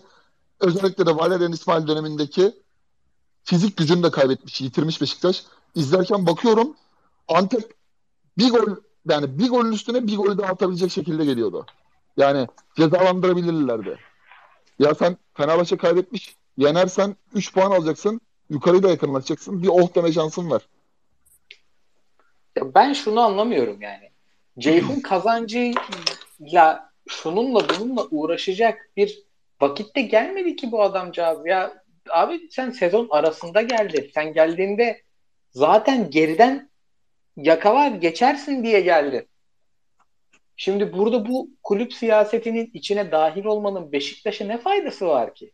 E, şöyle söyleyeyim. 8. Kayseri puanları düşürülüyor, transfer yapamıyor. Oradan çizelim artık aşağısında. Yani Kayseri'den de aşağıdaysan şampiyonluğa oynama diyelim. Beşiktaş 7. Konya Beşiktaş'tan kesin daha hızlı kopar ligden diyebiliyor muyuz? Diyemiyoruz. Trabzon Fener'i yendi. 5 maçta 2 galibiyet 3 beraberlik. Mağlup da olmuyorlar. Beşiktaş'ın son 5 maçın ikisi mağlubiyet. Diyemiyoruz. Ya Beşiktaş'ın son 5 maç bir galibiyet var bu arada. Trabzon diyemiyoruz. Adana Demir Adana Demir makine gibi oynuyor. Bak İnönü'de Şenol Hoca'nın hakikaten Abdullah Avcı'nı Fener'e çalıştırdığı gibi bir şey çalışması lazım. Beşiktaş A planıyla yenemez Adana Demir'i. Eğer Şey Adana konuşuyorduk Demir'e- ya. Abi Adana Demir'e lafını böldüm. Sen. Vegors, Cenk, Muleka şutta Muleka'yı sola atayım falan oynarsan Adana Demir inanılmaz ceza keser. Yani öyle Abi böyle şeyi değil yani. Şeyi hatırlıyor musun? Dünya Kupası'nda Hırvatistan Arjantin maçından önce şey demiştik beraber tahtaya çıkıp. Bu Arjantin'in kadrosu Hırvatistan'dan iyi olabilir ama Hırvatistan'ın oyunu daha oturmuş bir oyun. Burada bir değişiklik yapacaksa Scaloni yapması lazım. Değiştirdi yendi. Evet. Hırvatistan maçı mıydı? Eşleşmeleri karıştırdım ama olabilir. Evet yani. evet. Evet evet. Yok yok Burada doğru doğru. Hiç iç saha dış saha bilmem ne bakmayacak. Beşiktaş Adana Demir'in o 4-4-2'sine çalışacak yani. Başakşehir daha hızlı kopar diyebilir misin? Diyemezsin. 30 puan yapmış Başakşehir. Senin 7 puan önünde. Galatasaray zaten üstüm üstünde. Son 5 maç 4 galibiyet. E Fener Trabzon'a yenildi dörtlük yaptı toparladı. Ya senin önünde bir tane iki tane takım olur da yöneticiyle şunla bununla silik yarışına girersin. Senin önünde 6 tane iyi takım var ya. Bu lig başka bir bu lig o lig değil. Ve senin elinde hakikaten Talişkalı, Abubakarlı, Kuvarejmalı o Yok, yok. 70-80 milyon euroluk kadrolar da yok. Senin Kenan Kara- Kenan Karaman ne şanssızmış be kardeşim. Şenol Güneş varken olsaydın yine parlar mısın? Vallahi burada abi Redmond'u sarılıp okşayacağına Necip'e sarılması falan çok enteresan geliyor bana Beşiktaş'ın ve çok sıkıntılı. Bu arada ben Beşiktaş'ın yönetiminde de bir dert olduğunu düşünüyorum. Yani Ahmet Nur Çebi'ye falan yani gideceğini düşünüyorum ben onu. Abi ben Ozan Tufan tercihinden zaten Şenol Güneş'in aklının Euro 2020'de falan kaldığını düşünmeye başladım yani. Ozan Tufan nedir ya? Sene 2023. Dediğin çocuklara at. Kartal mıydı? Berkay mıydı? Onlara at. Evet. Daha iyi yani. Yani Ozan Tufan sana senede 3-5 maç bile oynayabilecek durumda olan bir oyuncu değil ki. Ne verebilir yani? Diyelim Yani kalite kaliteyi yükseltmeden abi Beşiktaş'ta yani elindeki fizik gücü avantajını ve İsmail döneminde en iyi olan şeylerden biri duran top organizasyonlarını bile kaybetmiş Beşiktaş gördüm. Gerçekten e, o yönden de milli takım arasında Dünya Kupası arasında iyi geldiğini düşünmüyorum ve acil çözüm bulması gerekiyor. Yani Masuaku falan bunların hepsinin sahada olması lazım abi. Sen gerekirse düz 4-4-2 tarzı bir şey oynayıp da e, çözüm odaklı bakmak bence daha iyi olur. Çünkü Adana Demir maçı e, yüksek sesler çıkartır bu futbol. Vallahi en merakla Abi maç. devre arasının iyi gelmediği şuradan belli. Şimdi Şenol Hoca geldi. Valerian İsmail gitti. Hoca geldi. İlk maç Hatay maçı mıydı, Ümraniye maçı mıydı? Ümraniye maçı. İmraniye. 5-2 kazandı. Dele Alli 11. Çok kötü oynadı. 5-2 kazanmış takım rezalet oynadı. Sonraki maç Galatasaray maçı yedekten bile girmedi adam. Sonra ortalarda görünmedi. Üzerinden geçmiş 2 ay. 2 ay ya. kupa maçı sezonu yani devre diyelim. Devre bitmiş. Ara bitmiş Dünya Kupası arası. Kupa maçına çıkıyorsun. Deli Ali yine 11. Sonraki maç yedekten bile girmiyor. Abi bunu yaşadın sen zaten. Aradan 2 ay geçmiş. 40 gün ara vardı. Şimdi Deli Ali idare etmesi müthiş zor bir oyuncu. Yönetim hatası bu adamı getirip teknik direktörün kucağına bırakmak. Ama sen yönet diye geldin. Valerian İsmail bu adam yönetemez. Yönetemiyor bu kadroyu. Şenol Güneş yönetsi, yönetir diye geldin. Ve aynı şeyi iki ay geçmiş tekrar baştan yapıyorsun. Ne oldu abi o iki ayda? Yani Deli Ali futbolu mu hatırlayacaktı da aynı şeyi deniyorsun. Ya bu lig artık şey de değil bence. Tamam önünde çok takım var ama şimdi abi 2002 Lucescu gitmiş Galatasaray'dan. Galatasaray bir sürü transfer yapmış falan. O 2002-2005 arası Galatasaray'ın ekonomik olarak çöküş dönemi. Orada Galatasaray ne yapsa yarışmacı kalma ihtimali yok. Çünkü abi önünde inanılmaz bir Fenerbahçe kadrosu var. Yok. O Fenerbahçe kadrosunu geçemez. Daha sonra mesela 2000 e, Beşiktaş'ın feda sezonları. Önündeki Galatasaray kadrosu o 2011-2013 arası ne yapsa Beşiktaş şampiyon olamazdı abi. Nasıl bir kadro kurarsa kursun olamazdı. Ama abi bak bu ligin iki sezon önceki şampiyon Başakşehir artık bu takımın şampiyonluk hedefi kalmamalı, kadrosunu dağıtmalı denen Başakşehir geldi şampiyon oldu. Geçen sene artık Trabzon'u Ünal Karaman sonrası travmaları Hüseyin Cimşir sezonunu falan yaşadı. Tam yaklaştım derken Başakşehir'e şampiyonluk verdi falan dendi. Onlar oldu. Bu ligde 2002-2005 arası gibi bir Fenerbahçe yok. 2011-2013 Galatasaray gibi bir takım da yok. Bu lig gerçekten Ümit Özas'ın dediği gibi kim kimi üterse ligi şampiyonluk konusunda. O yüzden hani kadro kötü. Bu kadro yeniden mi yapılanmalı falan artık bunlara girmemesi lazım bu takımların. Yani ya. bu ta- bu takım çok net şampiyon olabilecek 12-13 oyuncusu olan bir takımdı. Bunu görmüyoruz, gösteremiyor adam. Tabii canım ya Fenerbahçe'nin kadrosu Beşiktaş'tan daha zordu sezon başında. Tabii canım. Ener Valencia 13 tane gol attı abi. Yani Weghorst'un 25 atabiliyor olması lazım sezon sonunda. Aynen tabii, Yani orada bir de sen parlat sen oyuncuya dokunuşu olan teknik adam olduğu için sen geldin yani. O kadro kötü işlerine mesaj yoluyla girmemesi lazım. Hani Çağdaş Atan veya İlhan Palut değil sen getirildin ya. Hani onlara gel Beşiktaş'a deseler bir şekilde orta yol bulunup da Beşiktaş'a getirilebilirdi. Hem Kayseri Spor'dan hem de Konya Spor'dan bir bedel ödenip. Ee, ama Şenol Güneş oyuncuya dokunur, tür, türbünü bilir, Beşiktaş'ı bilir diye sen geldin. Ama o farkı yaratamadın. Biraz sıkıntılı ve istediğin oyuncular da e, nedenli fayda sağlayacak oyuncular o da ayrı bir söz konusu durum. kaç senedir ya hocanın hayalde kalan kısım şu, hepimizin hayalde kalan kısım. Ozan Tufan, Şener, Volkan Şen bunların hepsine hayallerini kuramayacakları transferler yaptırdı bu adam. Geldi bütün oyuncular evet kaliteli oyunculardı hepsi ama hiçbir teknik direktör altında doğru rolünü bulamayan oyunculara 2015-2016 sezonunda hayali kurulmayacak bir futbol oynattı. Hepsinin doğru rollerini buldu. Sosa'nın futbolculuk kariyerini 7 sene falan uzattı bu adam ya. Ama abi en son işte neyi sayabiliyoruz? O kadro bozulur gibi oldu. Talişka'ya bir dokundu. Talişka geldi ona doğru rolü verdi.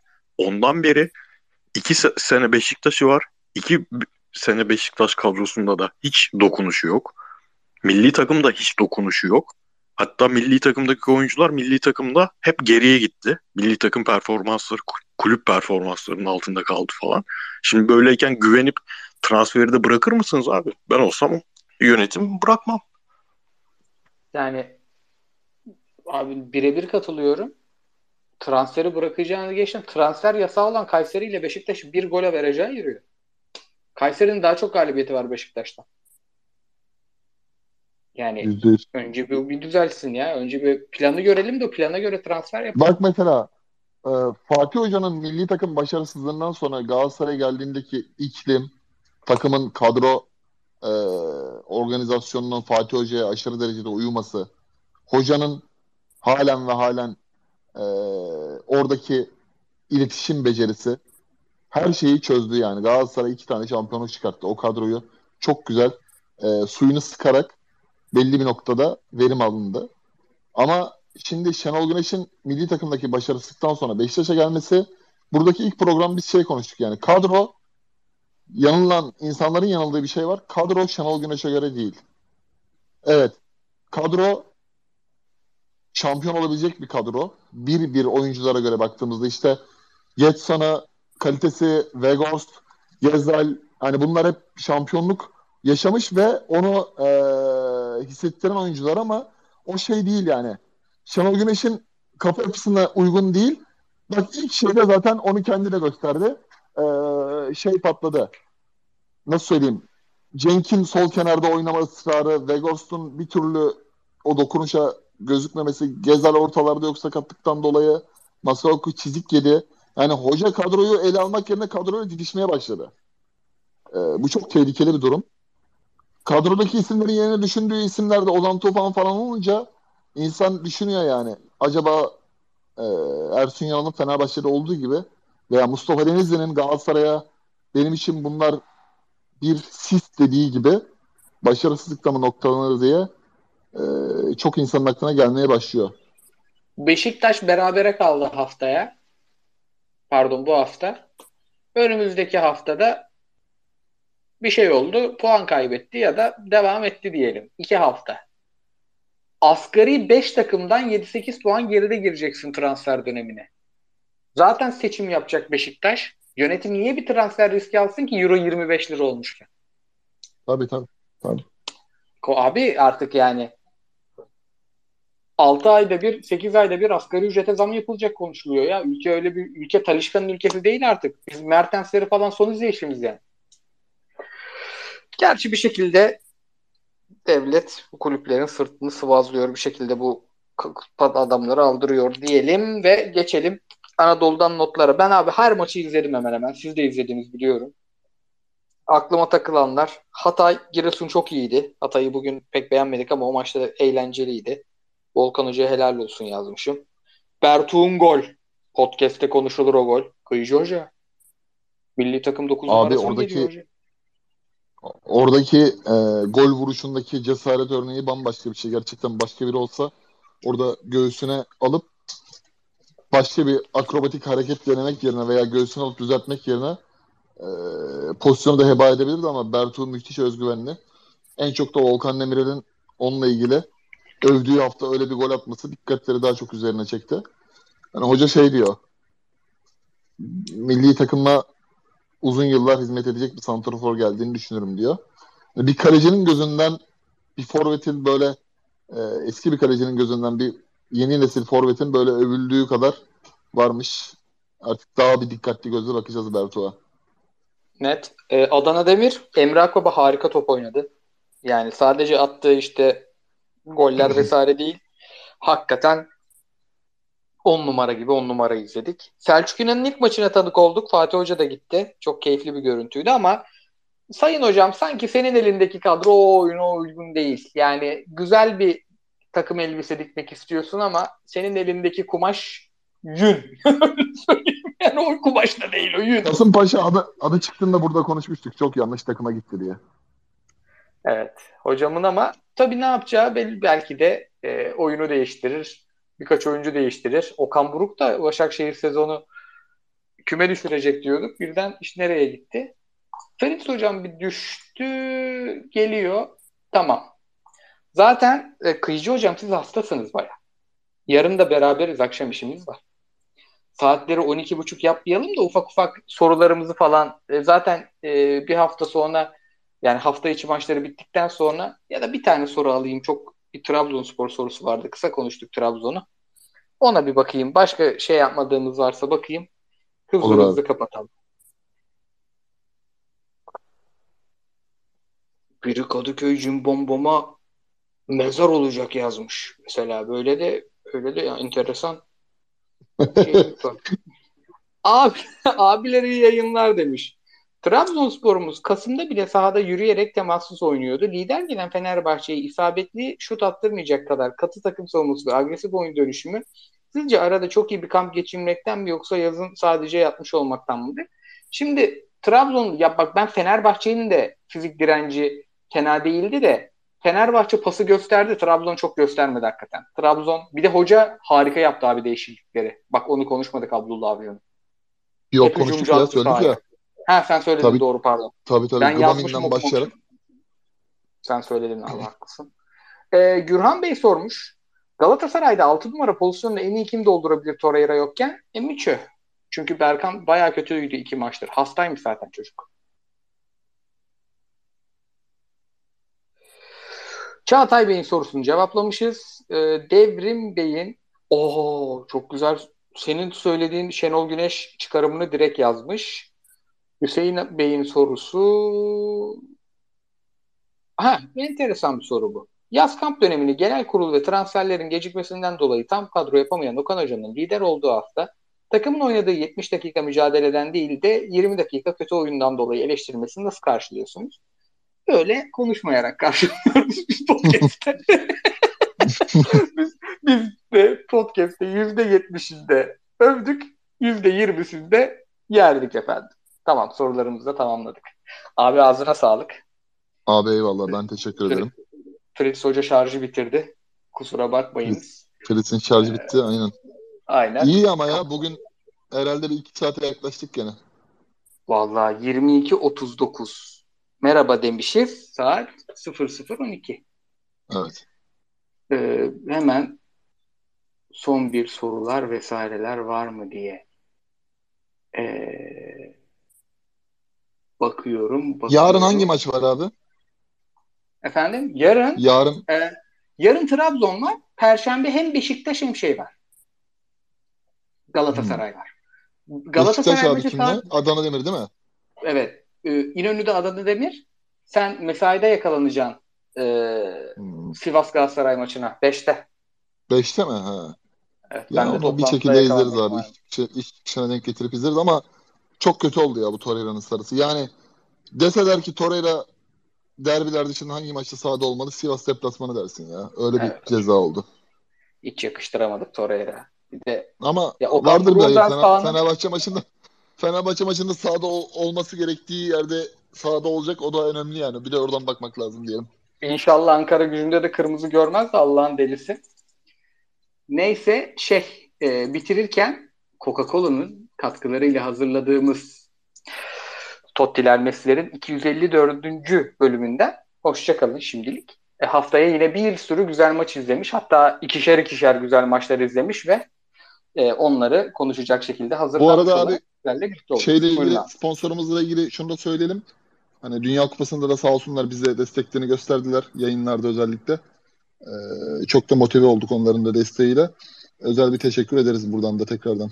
Evet evet sağ olsunlar gerçekten sadece şey değil yani e, sponsor olmaları değil o yani hep birlikte çalıştıkları ajanslarımıza yaklaşımı da çok keyifli çok sağ olsunlar.